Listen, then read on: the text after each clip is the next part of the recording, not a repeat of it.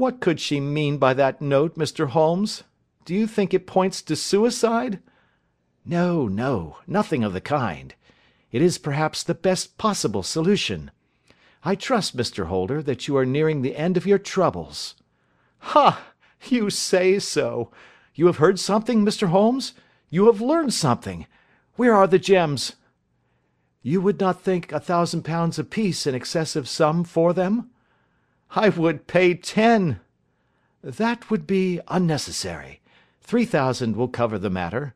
And there is a little reward, I fancy. Have you your cheque book? Here is a pen.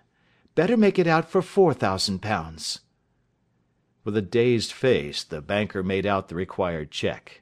Holmes walked over to his desk, took out a little triangular piece of gold with three gems in it, and threw it down upon the table. With a shriek of joy our client clutched it up. "You have it!" he gasped. "I am saved! I am saved!" The reaction of joy was as passionate as his grief had been, and he hugged his recovered gems to his bosom. "There is one other thing you owe, Mr. Holder," said Sherlock Holmes rather sternly. "Oh!" He caught up a pen. "Name the sum, and I will pay it." "No, the debt is not to me. You owe a very humble apology to that noble lad, your son, who has carried himself in this matter as I should be proud to see my own son do, should I ever chance to have one." "Then it was not Arthur who took them?" "I told you yesterday, and I repeat to day, that it was not." "You are sure of it? Then let us hurry to him at once to let him know that the truth is known." "He knows it already. When I had cleared it all up I had an interview with him, and finding that he would not tell me the story, I told it to him, on which he had to confess that I was right, and to add the very few details which were not yet quite clear to me. Your news of this morning, however, may open his lips." "For Heaven's sake tell me, then, what is this extraordinary mystery?" "I will do so, and I will show you the steps by which I reached it. And let me say to you first, that which is hardest for me to say, and for you to hear. There has been an understanding between Sir George Burnwell and your niece Mary. They have now fled together." "My Mary! Impossible!" "It is unfortunately more than possible, it is certain. Neither you nor your son knew the true character of this man when you admitted him into your family circle. He is one of the most dangerous men in England, a ruined gambler, an absolutely desperate villain, a man without heart or conscience. Your niece knew nothing of such men. When he breathed his vows to her, as he had done to a hundred before her, she flattered herself that she alone had touched his heart. The devil knows best what he said, but at least she became his tool and was in the habit of seeing him nearly every evening. "I cannot! And I will not believe it!" cried the banker with an ashen face. "I will tell you then what occurred in your house last night. Your niece, when you had, as she thought, gone to your room, slipped down and talked to her lover through the window which leads into the stable lane. His footmarks had pressed right through the snow, so long had he stood there. She told him of the coronet. His wicked lust for gold kindled at the news and he bent her to his will. I have no doubt that she loved you, but there are women in whom the love of a lover extinguishes all other loves, and I think that she must have been one. She had hardly listened to his instructions when she saw you coming downstairs, on which she closed the window rapidly, and told you about one of the servants' escapades with her wooden-legged lover, which was all perfectly true. Your boy, Arthur, went to bed after his interview with you, but he slept badly, on account of his uneasiness about his club debts. In the middle of the night, he heard a soft tread pass his door, so he rose and looking out, was surprised to see his cousin walking very stealthily along the passage until she disappeared into your dressing room.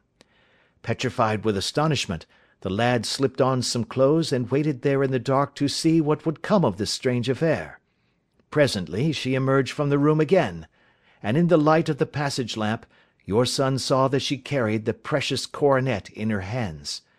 She passed down the stairs, and he, thrilling with horror, ran along and slipped behind the curtain near your door, whence he could see what passed in the hall beneath.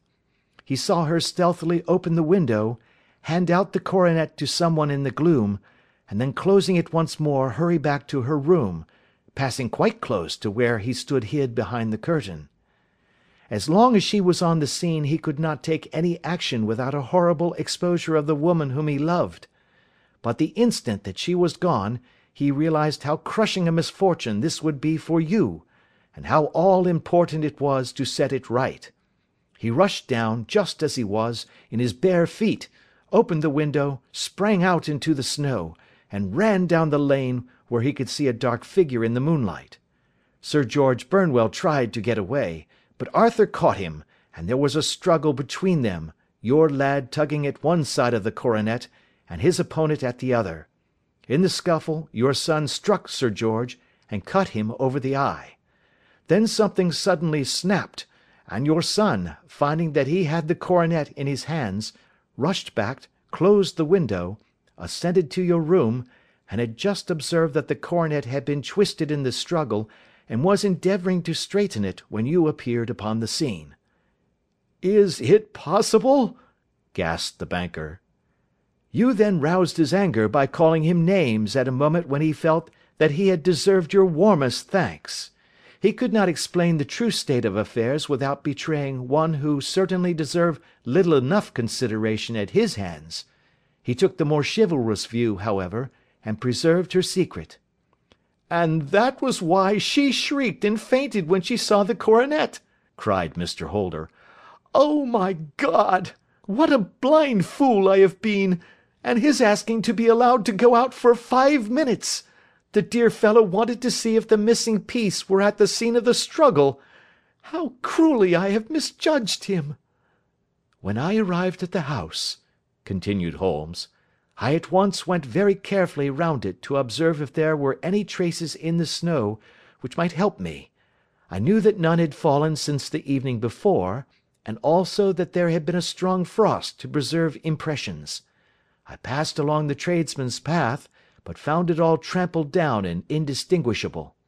Just beyond it, however, at the far side of the kitchen door, a woman had stood and talked with a man, whose round impressions on one side showed that he had a wooden leg. I could even tell that they had been disturbed, for the woman had run back swiftly to the door, as was shown by the deep toe and light heel marks, while Wooden leg had waited a little, and then had gone away. I thought at the time that this might be the maid and her sweetheart, of whom you had already spoken to me, and inquiry showed it was so. I passed round the garden without seeing anything more than random tracks, which I took to be the police. But, when I got into the stable lane, a very long and complex story was written in the snow, in front of me. There was a double line of tracks of a booted man, and a second double line which I saw with delight belonged to a man with naked feet. I was at once convinced from what you had told me that the latter was your son. The first had walked both ways, but the other had run swiftly, and as his tread was marked in places over the depression of the boot, it was obvious that he had passed after the other. I followed them up, and found they led to the hall window, where Boots had worn all the snow away while waiting. Then I walked to the other end, which was a hundred yards or more down the lane. I saw where Boots had faced round, where the snow was cut up as though there had been a struggle, and finally, where a few drops of blood had fallen, to show me that I was not mistaken. Boots had then run down the lane, and another little smudge of blood showed that it was he who had been hurt. When he came to the high road at the other end, I found that the pavement had been cleared, so there was an end to that clue. On entering the house, however, I examined, as you remember, the sill and framework of the hall window with my lens, and I could at once see that someone had passed out. I could distinguish the outline of an instep where the wet foot had been placed in coming in. I was then beginning to be able to form an opinion as to what had occurred. A man had waited outside the window, someone had brought the gems, the deed had been overseen by your son, he had pursued the thief, had struggled with him, They had each tugged at the coronet, their united strength causing injuries which neither alone could have effected.